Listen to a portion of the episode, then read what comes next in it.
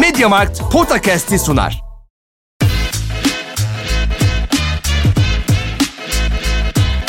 Potakast. Kaan Kural ve Orkun Çolakoğlu'yla NBA gündemine haftalık bir bakış.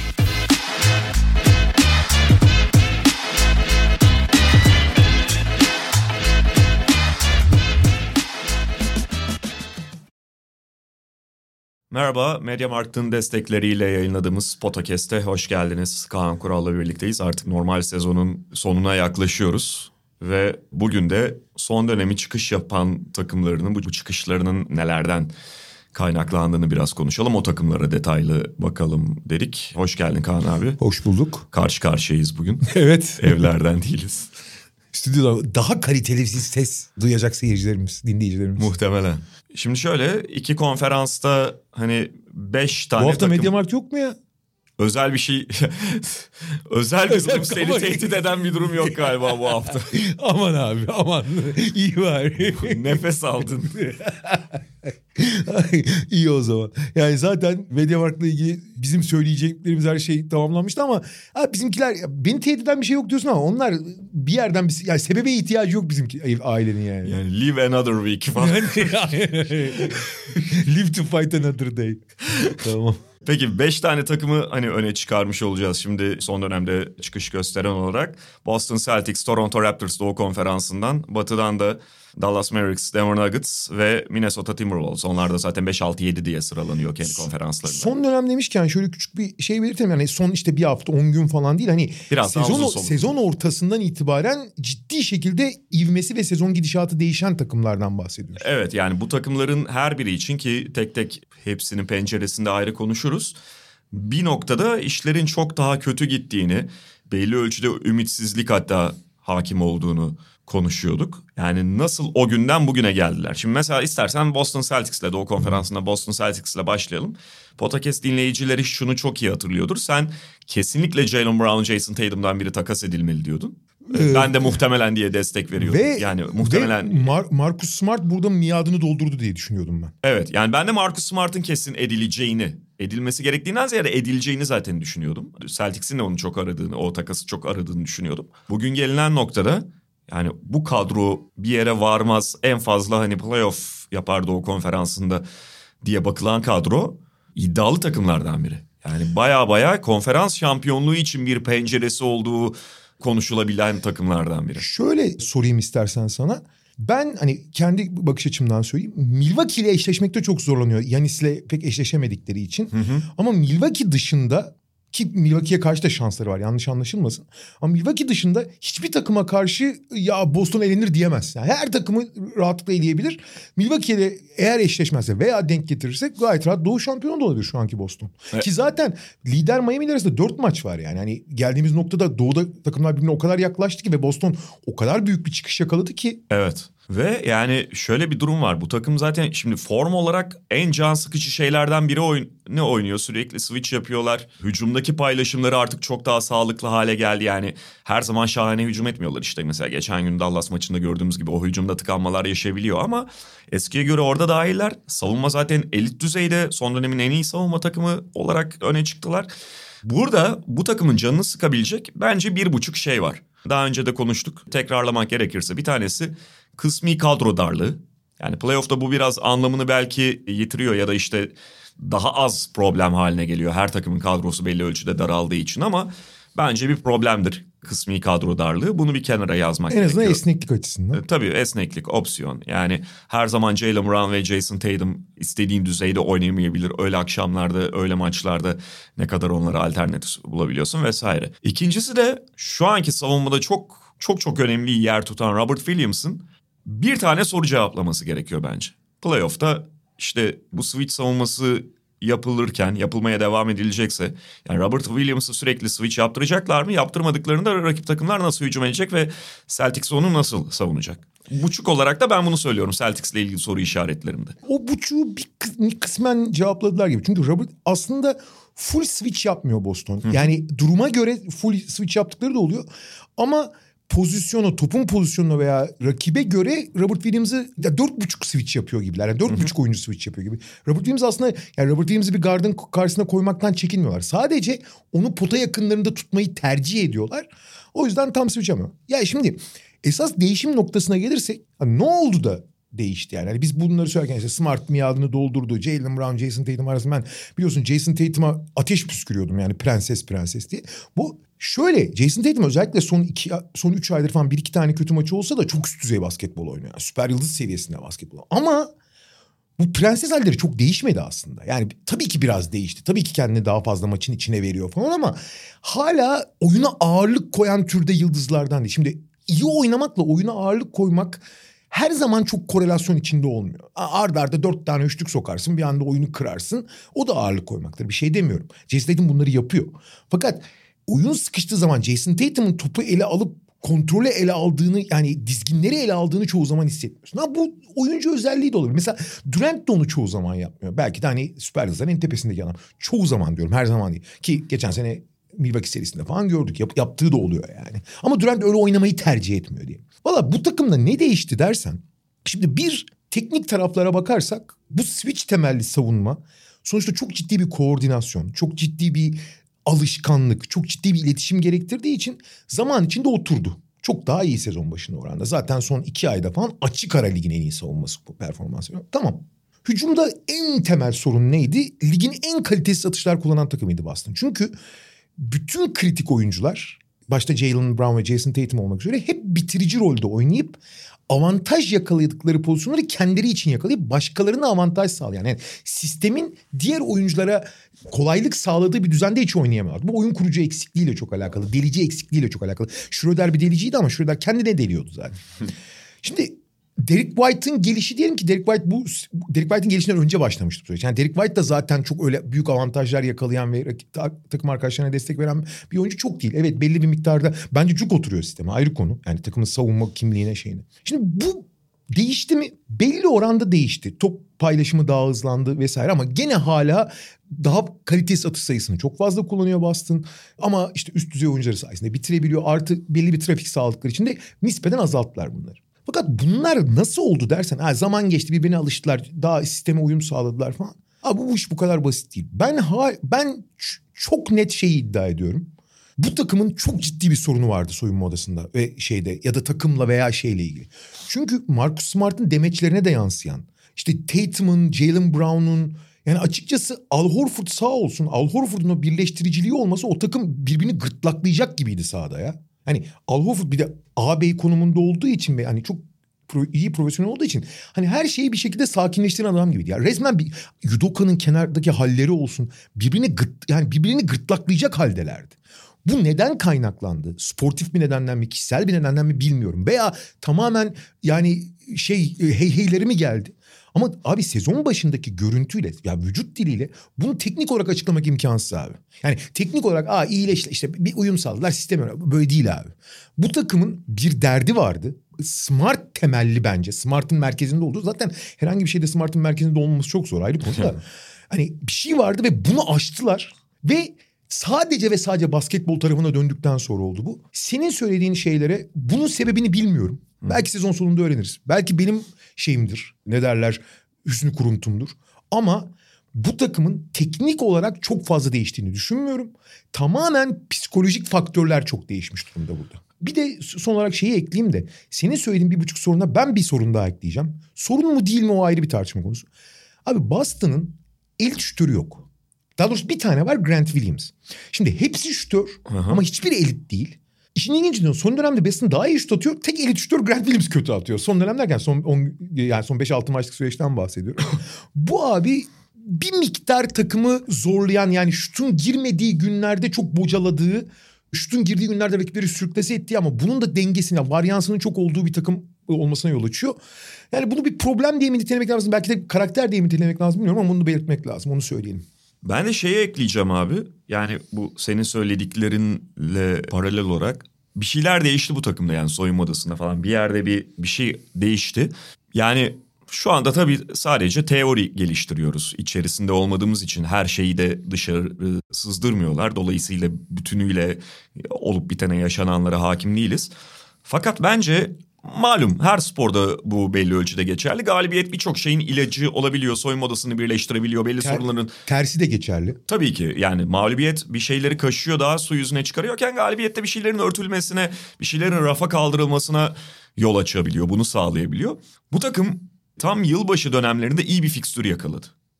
Yani o fikstürden de iyi faydalanıp ondan sonra üst üste gelen galibiyetlerle muhtemelen biraz kenetlendiler. İşte üzerine takas geldi takım biraz daha şeyine oturdu.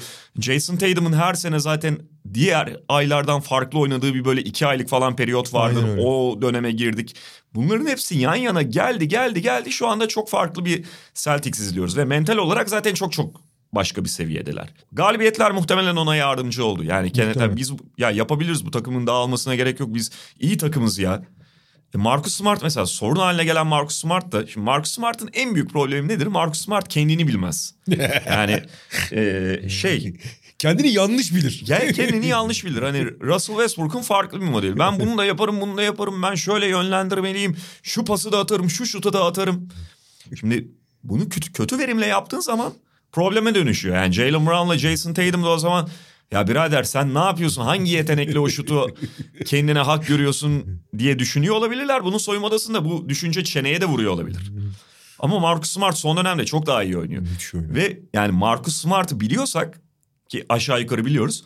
Marcus Smart'ın her form e, yükselişi hocanın yaptığı bir değişikliğe falan bağlanamaz ya da kadrodaki bir şey. Marcus Smart'ın bir ayı diğerinden daha iyi olabilir. Bir maçı, bir çeyreği diğerinden çok daha iyi olabilir. Yani o dengesizliklere, o dalgalanmalara hazır olmak gerekiyor ve Marcus Smart çok daha iyi durumda şu anda. Bu da bir faktör oldu muhtemelen. Yani şu anda her şey çok daha iyi gidiyor. Burada bu dalgayı, bu rüzgarı yakaladıktan sonra da giderler artık. Buradan hani tekrar kötüye gitmelerini beklemiyorum ama biraz belki böyle açıklamak gerekiyor Celtics. Toronto'ya geçelim istersen. Evet, Toronto Raptors yani bilmem kaçıncı sene bizim mor artıyor. Ee, Evet doğru. Yani bu sefer tam morartmak gibi değil ama hafif şeye koyu maviye çaldık diyelim. yani ben açıkçası tamam bu sene artık olmaz diyordum.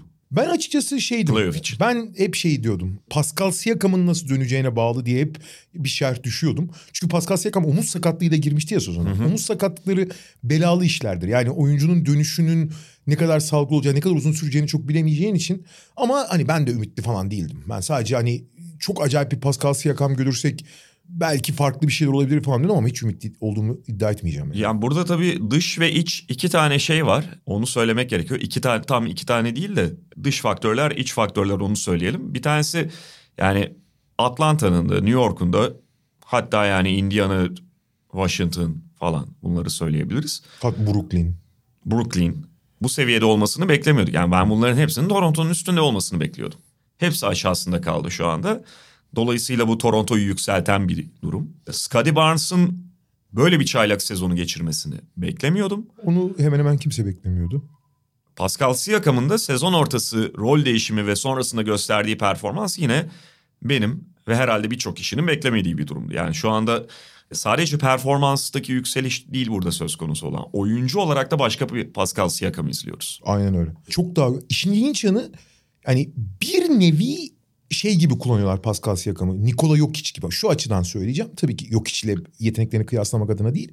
Savunmada 5, hücumda bir numara oynuyor Pascal Siakam. Yani ondan başlatılan hücumlar üzerine oynar. Bu rakip savunmaları çok sürklese eden, çok terse yatıran bir durum. Fakat şöyle bir şey var. Şimdi Toronto'nun bu çıkışında şu şerhe düşmek lazım. Nick Nurse bence çok yanlış yaparak ana oyuncularının sonuna kadar zorluyor. Bu Tom Thibodeau'nun New York'ta yaptığı gibi. Yani 43-44 dakikalar oynatıp duruyor ve anormal de baskılı işte sürekli trap yapan, sürekli tuzak yapan, rakip top kaybını tetikleyip oradan hızlı hücum bulan, hücumda da sürekli hücum reboundu kovalayan bir sistem bu. Bu bugün günümüz basketbolu için aslında çok yapmayı tercih etmiyor. Hani çok az takım artık hücum rebounduna göre. Yani geri koşmayı çok daha önceliklendiriyorlar.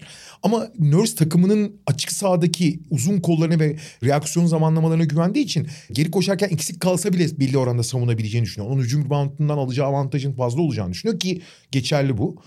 Bir araya bir şey söyleyeceğim kusura bakma böldüm. Mike Brother iki gün önce şey yazmıştı çok hoşuma gitti. Jürgen Klopp NBA'de koç olsaydı takımı Toronto Raptors gibi oynardı diye. Güzel benzetme bence. Aynen öyle. Ya e, savunmada da ya bu kadar trap yaparsan bir oyuncuları yıldırırsın. Oyuncuları yıpratırsın. İki abi modern hücumlar bu trapli savunma. Ha, bu trapli yani son 10 yılda bu trapli savunmayı ana stratejisi olarak bir kere 48 dakika kimse yapamıyor da ana stratejisi olarak kullanan bir takım vardı. LeBron'lu Miami. Ama LeBron'lu Miami abi LeBron Wade boş yan yana yani yani daha olağanüstü bir üçlü bulamazsın. İlginç yanı Toronto savunma anlamında daha olağanüstü bir yapı kurmuş olabilir. Scottie Barnes, Pascal Siakam, işte Ojannobi gerçi sezonun yarısını neredeyse oynamamış olsa tam buna uygun. Zaten ona uygun oyuncular seçiyorlar. Fakat bu da çok ciddi zaafları olabilir. Nitekim abi Toronto'nun son kaybettiği 10 maça bakarsan acayip farklarla yeniliyor Toronto. Toronto yenildi mi şey yenilmiyor. Başa baş yenilmiyor yani. Ha, direkt 30 yiyorlar yani. Hani bir düştükleri zaman tam düşüyorlar. Şimdi bu normal sezondaki başarıyı biraz artıran bir faktör. Bunu bir koyalım. Ama bu söylediklerimiz, söylediğimiz şeyler Toronto'yu aynı zamanda diğer 29 takımdan farklı kılan özellik. Daha hatta tekrar ediyorum.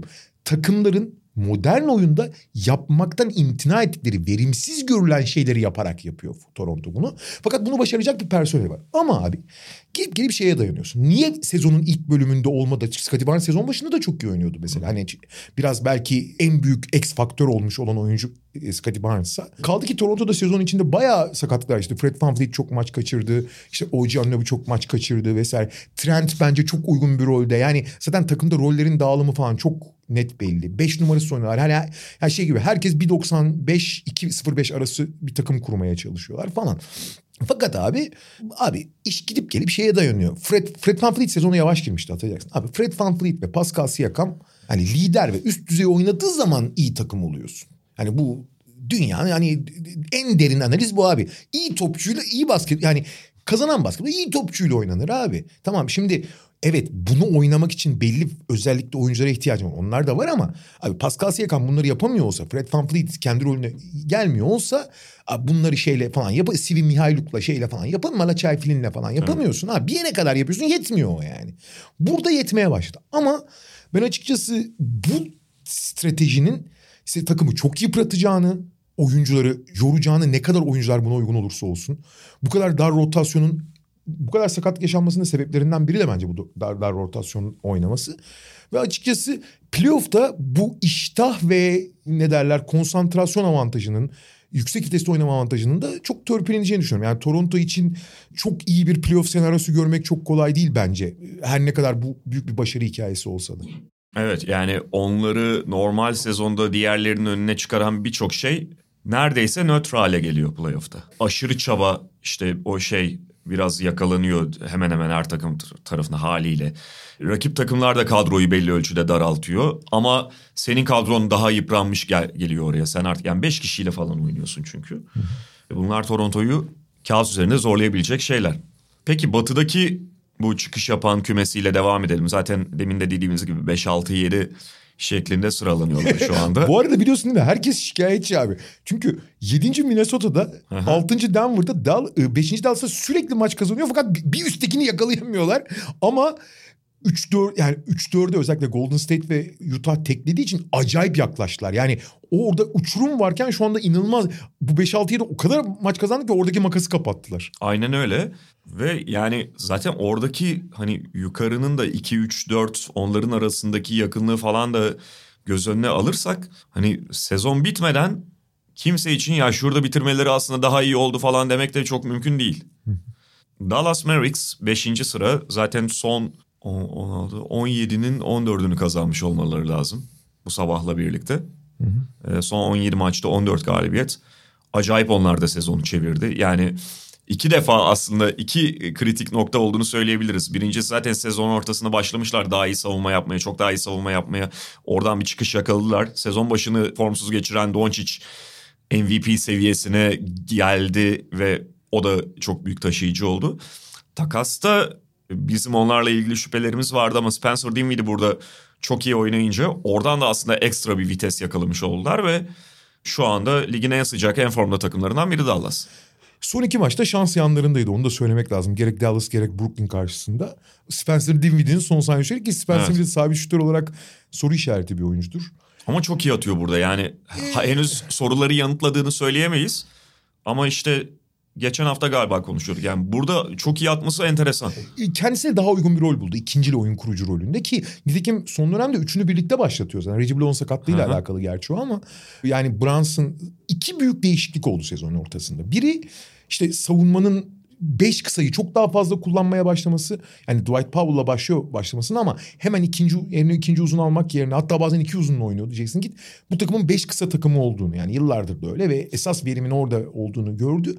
Fakat Reggie Bullock Dorian Finney-Smith ikilisi kanatta rakibi durduran ikili Tim Hardaway Jr.'ın sakatlığı bu takım için önemli olabilir. Ama Tim Hardaway Jr. savunması çok iniş çıkışlı bir oyuncu. Şimdi Reggie Block'la Darius Finney-Smith'te biliyorsun ki çok sağlam iki tane savunmacı var fizikle oynayan. Şimdi bu savunmanın temelini kanatlara kurduğun zaman işte Doncic de bu sezon bence savunmada normalden fazla efor gösteriyor. Sezonun başında çok formsuz olduğu için dikkat edilmiyordu ama daha fazla efor gösteriyor. E zaten çok iyi reboundçudur. Savunmanın bir halkasını iyi yapıyor. E Dwight Powell mücadele. Bir şekilde mücadeleyle yani Jalen Brunson hariç savunmada zayıf halka olmadan oynamayı biliyorlar. Ve zaman içinde bu savunma çok yükseldi ve hani yıllardır ligin en iyi hücum takımı olmaya çalışan takım savunma şeyinde etrafında çok birleşebildi. Bu mesela Boston'dan farklı olarak takımın işte rotasyonun oturması, takımın birbirini tanıması ve bu savunma alışkanlığının gelişmesiyle alakalı. Yani yoksa içeride sorun olduğu için değil. Ve nitekim ligin kalbur üstü savunma. Elit demeyeceğim ama kalbur üstü savunma takımlarından biri oldu. Çok, sa- savunma rakamları çok iyiydi ama göründüğünden daha iyi gözüküyordu belli bir fikstür açısından. İlk 10'da olabilir ama ilk 5'te olmaları çok zor. Yani savunma anlamında onu söyleyelim. Burada da sen Spencer Dinwiddie'den bahsettin. Şimdi yıllardır bu takım hücumda olağanüstü bir takım olsa da Doncic'in bir şekilde devre dışı bırakıldı. Mesela ikili sıkışma gelip topu elinden çıkardığı bölümlerde bocalı yani dördü üçlerde bocalayabiliyordu. Jalen Brunson'ın ilk beşe yerleşmesi harika bir sezon geçiriyor olması Jalen Brunson'ın. Orada belli bir tedavi oldu. Spencer Dinwiddie de burada ikinci unsur oldu. Çünkü bu Dorian Finney-Smith'ler işte şeyler yani sakatlandı gerçi. Tim Hardaway Jr.'lar, Reggie Block'lar veya diğer rotasyondaki işte Josh Green'ler ki Josh Green de rotasyona eklemek çok önemli. Onların çünkü üst sıra seçimlerinden biriydi. Bunların hiçbiri toplu oynayabilen oyuncular değil. Uzunlar da öyle. Dwight Powell falan da değil. Yani şimdi Doncic her şeyi çözdüğü için ihtiyaç duymuyorlar. Ama abi öyle ya da böyle Doncic'in yarattığı avantajı kullanacak birileri lazımdı. Ve Brunson'ın oraya eklenmesi işte bunu çok geçerli kıldı. Ama hani bunların hepsi evet olumlu teknik falan. Ama gidip gelip şeye dayanıyorsun abi. Yani yıl başından önceki Doncic yıl başından sonraki Doncic aynı oyuncu mu abi? Yani Değil kesinlikle yani o en önemli faktör belki Bence de de. en öne çıkan. bence de. E Şimdi tabii Dinwiddie'den sonra yani sahada her dakika en azından iki tane ball handler bulundurabiliyor. Bu önemli. Oyunlarına da etki ediyor. Şut eskiden de buluyorlardı. Şimdi daha sağlıklı şutu bulabiliyorlar. Bu arada şeyi de söylemek lazım. Dorian Finney-Smith'in vasat bulamayan bir şütörden gerçekten iyi bir şütöre dönüşmüş olması da çok denklemi değiştirdi. Onu diyecektim. Yani bir de bu var. Bazen açıklaması çok basit olabiliyor ama bu takım sezon başında şut sokamıyordu. Yani Tim Hardaway Jr. da beklenti altında kalıyordu. İşte Doncic'in zaten bireysel formsuzluğu. Porzingis her zaman aynı yüzdeyle şut atamıyordu. İşini, e, tam onu diyecektim. Porzingis iyi bir sezon geçiriyor olmasına rağmen belki de kariyerinin en kötü şut attığı sezonunu yaşıyordu. Evet ve Porzingis şöyle bir şey. Yani Porzingis'in oyununu biliyoruz. Porzingis o şutu atmaya bazen takıntılı oluyor. Yani boş şutun geldiğine falan bakmadan ben buradan atarım diye el üstü kalitesiz şut da atabiliyor. Şimdi geçen sene en iyi şut atan takımlardan biri ve çok üçlük atan takım bu sezonun başında üçlük krizine girmişti. Sahayı açamıyordu yeterince.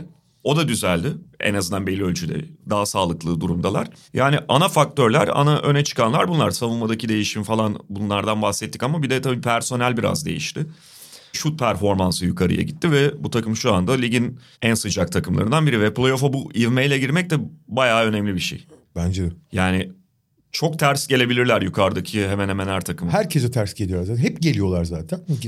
Gene de geleceklerdir. Denver Nuggets onlar da Dallas'ın bir buçuk maç gerisinde sadece. Yani onlar için de tamam yok hiç oynuyor, çok iyi oynuyor, çok iyi seviyede ama etrafında öyle bir kadro var ki bu takım yok için varlığına rağmen herhangi bir tehdit olamaz diye düşündüğümüz noktalar vardı. Uzunca bir süre böyle düşünüldü ama Denver Nuggets'ın yok iç harici oyuncuları da sezonun başından bu yana çok ciddi gelişim gösterdiler. Bu önemli takımın iki yönlü oyunundaki yükseliş önemli ve şimdi tabii bir noktadan Jamal Murray Michael Porter Jr. haftalardır zaten bundan da bahsediyoruz. Dönebilir mi ve ne katabilirler? Bu takım belki de şu an gördüğümüzden daha fazla boyutlu bir takım olacak. Bir de işin bu tarafı var. onların değişimi de biraz şeye bağlı ya. Yani taşların yerine oturması ve yani Jamal Murray ve Michael Porter Jr. gibi iki tane ana parça devre dışı kalınca onların yerini doldurmak ve oyunculara yeniden rol tanımlamak kolay olmuyor. Artı burada çok önemli bir işleri zorlaştıran faktör var Aaron Gordon abi. Abi Aaron Gordon bir takımın dördüncü veya beşinci opsiyonuysa harika bir oyuncu. İkinci, birinci, ikinci opsiyon oldu mu ise rezalet. Nitekim Cemal Murray zaten sakattı ama Michael Porter Jr. vardı sezon başında. Her ne kadar e, sakatlığın etkileriyle iyi oynuyor mu, o, oynayamıyor olsa da öyleydi. Onu da çektiğin zaman otomatikman Will Barton ikinci role geçti. İkinci skora ve Will Barton hiç fena iş çıkarmadı sezon başında hakkını vermek. Fakat Aaron Gordon da ikinci yani Will Barton'la birlikte ikinci opsiyon gibiydi. Bu hiçbir zaman ideal değil. Hı hı. Ve yok işte en en en zirvesinde başlamamıştı. Şimdi öyle bir durum oluyordu ki burada yalnız. Özellikle işte mesela takımın top yönlendiriciler açısından baktığın zaman yok iş dışındaki yönlendiriciler biraz çok kendini oynayan oyuncular. Bones Highland öyle. Çaylak zaten. Hani onun da bir pişmesi gerekiyordu. E Montemoris zaten temelde bir skorer. E Austin Rivers'a pek güvenmezsin. Campazzo felaket bir sezon geçiriyor. Belki Campazzo'dan bir şey alırlar, alabilirlerdi ama felaket sezon geçiriyor. E Austin Rivers da genelde kendisine. Bu yüzden yok içi olmadığı dakikalarda abi ben çok uzun süredir yani çok kalitesiz takım seyrettim evet. Çok problem takım seyrettim. Ben abi yok için olmadığı dakikalarda sezonun ilk iki ay için konuşuyorum. Denver kadar aciz bir takım daha görmedim abi. Şöyle arka arkaya 8 hücum falan 3 sayı çizgisine içeri giremiyordu top ya. Hı hı. Hani aciz derken kötü değil yani. Hiçbir şey üretemiyor. Yani, yani üretimsizliğin zirvesiydi yani. Nitekim burada biraz daha dakikaları değiştirerek biraz işte Bones Highland'ın şey olması pişmesi, biraz işte Will Barton'ın Montemoris'in rollerinin değişmesi, biraz buna uyum sağlamaları, biraz işte o beşlerle bu arada yedek beş hala çok problemli ayrı konu ama gerek dakikaların değişmesi, gerek rollerin belirlenmesiyle orası biraz dengelendi ve yok hiç özellikle ilk bir aydan sonra ilk bir ayda kötü oynamıyordu ama ondan sonra öyle bir zirveye çıktı ki abi ya yani herhalde işte Prime LeBron'dan beri işte Cleveland'daki ilk iki senesi için konuşabiliriz bunu. Çünkü Miami'de çok öyle yapmıyordu ama ya da belki de ilk Cleveland döneminin son şey olur. Abi Doncic de yapıyor şimdi hakkını yemeyelim ama böyle oyuncu olmaz abi. Yani bu kadar her şeyi yapar mı bir adam abi? Yani mesela atıyorum işleri iyi gidiyor. Takım arkadaşlarına çok güzel avantajlar yapıp çok güzel pozisyonlar ve şut da sokuyor o gün Denver. Ama umurunda değil. 6 şut 7 şut kullanıp hani 20 mesela daha dün işte abi 26 dakika oynadı. Her şeyini yaptı. 29 da yattı gerçi de çıktı. Ama 12 sayı falan atsa umurunda bile olmuyor abi. Fakat işte maç başa baş mı gidiyor? Sırtı dönük oynuyor. Penetre üzerinden oynuyor. Üçlük. Abi bu kadar her şeyi yapan oyuncu inanılmaz. Gerçekten çok çok acayip ya. Yani bir takımı tek başına nasıl her şeyde bu kadar yukarı çıkarırsın? Yani Prime LeBron'un bazı başka avantajları vardı ama Prime LeBron'un yapamadığı bazı şeyleri bile yapıyor yani. Hani çok çok çok az özel bir adam yani bir takımı yukarı çıkarmak açısından. Yani ben çok uzun süredir NBA'deki en büyük eşleşme probleminin Kevin Durant olduğunu düşünüyordum. Eşleşilemeyecek, eşleşilemeyecek oyuncunun. Öyle yani teorik olarak da. Ee, çok hani zaten konuştuğumuz bir şey. İki onluk bir adam senin üstünden çok rahat şut atabiliyor. Formasına girdiğinde topu yere vurur. Atletizm bilmem ne o kombinasyon yani bir formülü yok aslında savunmanın. Şu anda yok hiç en büyük eşleşme problemi. Yani ya şöyle şöyle ifade edeyim daha geniş bir eşleşme problemi ama Durant daha beter bir dert yani. Abi şöyle ee... şöyle Jokic çok daha fazla sorun çıkarıyor.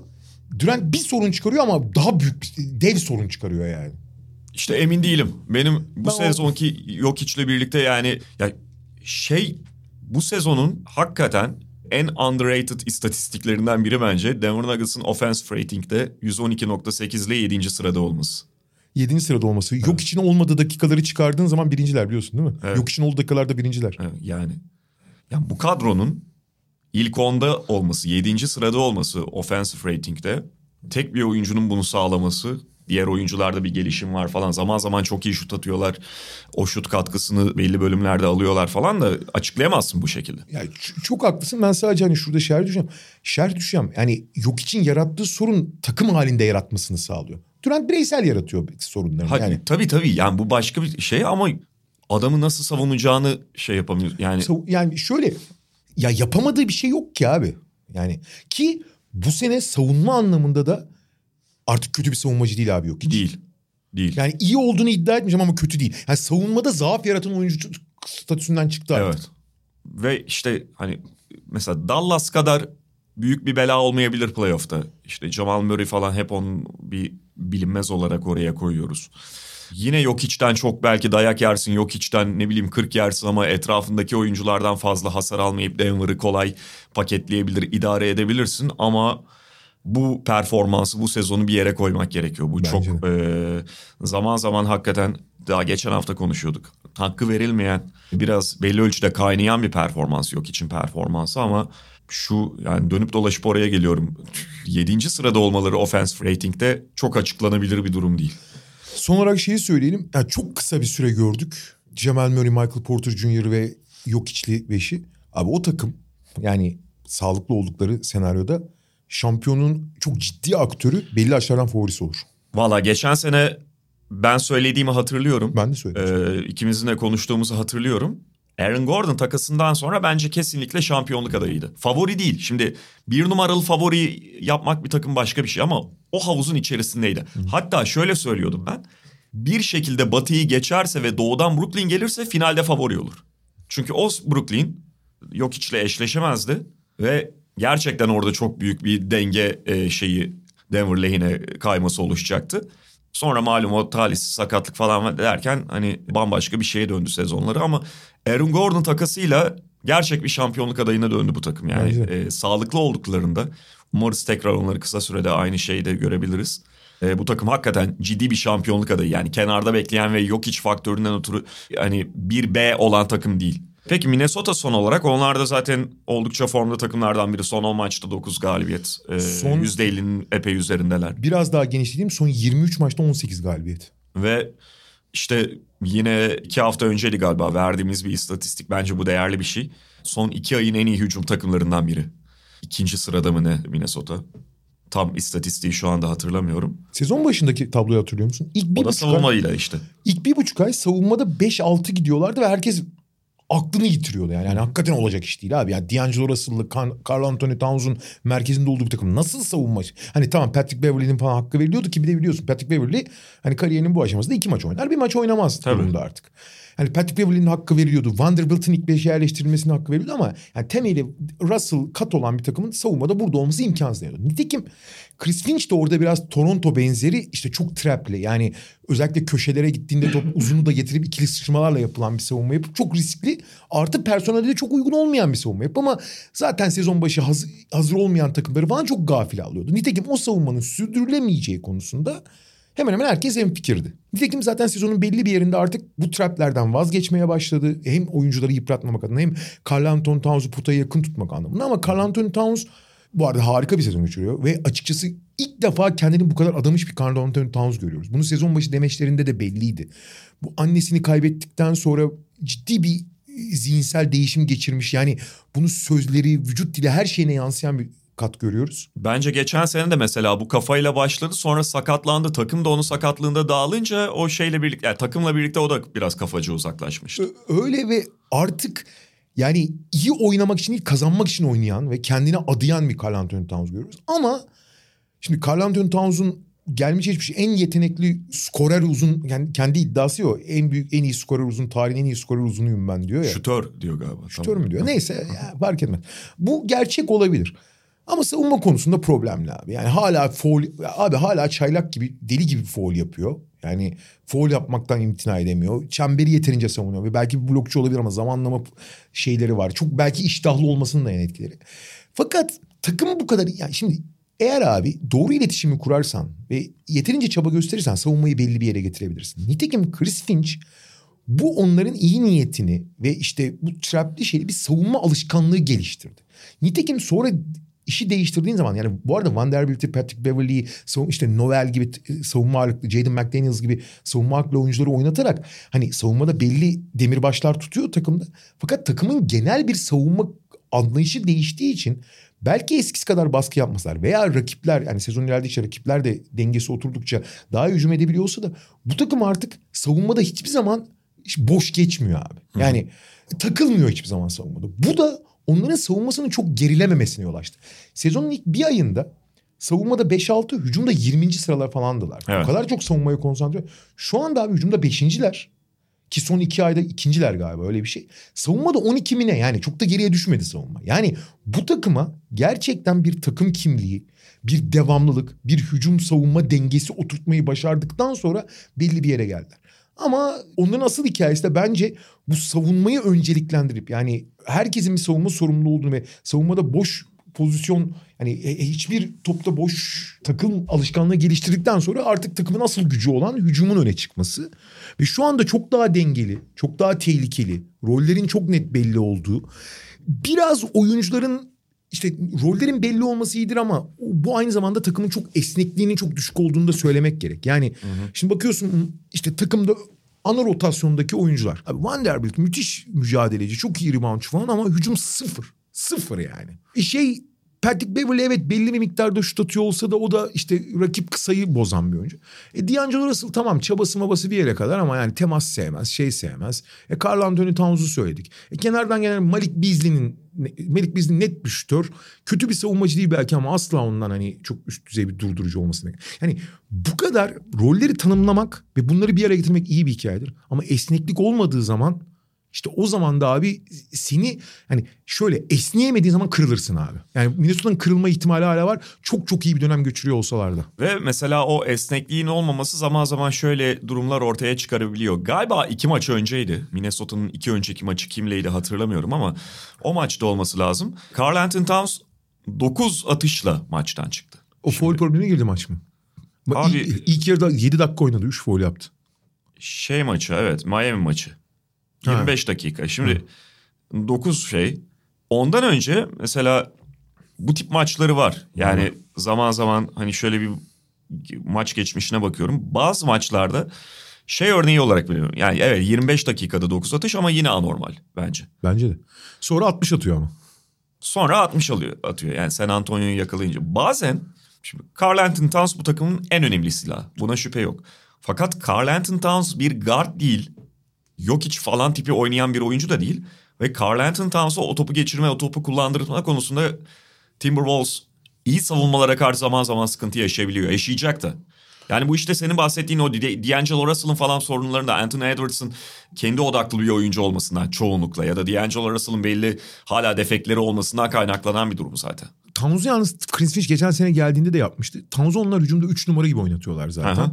Ama tabii yani guard olmamak başka bir şey yani toplu yani ama hücumda tek, temel rolü 3 numara aslında. Tabii Towns'un. ama yani bununla birlikte şunu da söylemek lazım. Senin az önce yine verdiğin istatistikler ki savunmada bu arada şu anda en iyi 10 içerisinde az bir farkla da olsa.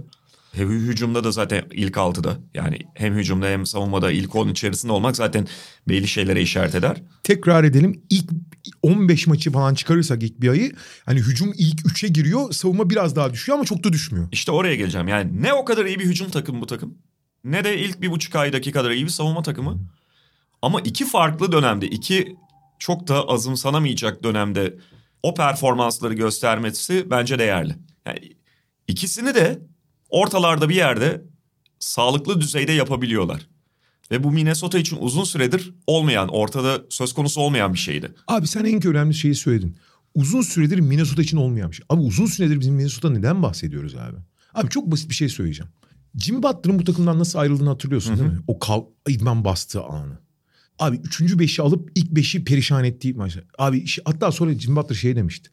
Beni en çok rahatsız eden de orada işte yani takımın oyuncuların hiçbirinde kalkıp bana laf etmemesiydi. Hmm. Abi bir isyanları bir mücadele yoktu. Yani sürekli sinen bir takım. Abi şöyle bir takım yok artık. Evet ve bence o anlamda mesela bu sabah o Lakers maçında trash talk'un suyunu çıkarmışlar ya, ya evet biraz öyle bakılabilir ama başka bir şeyi de işaret ediyor bu takıma dair. Doğru. Ya eleştirilebilir spor adına, sportmenlik adına ve şey yani bulmuşsun hani yerde yatanı vuruyorsun orada gibi de değerlendirilebilir. Vallahi şöyle. Patrick, Anlayış farkını biraz bence Çok haklısın ama Patrick Beverly orada çok suyunu çıkarıyor. Be. Ee, öyle ama işte yani... Yani o Lebron'a yaptığı hareket falan. Bence orada teknik foul almaması zaten çok büyük ayıp.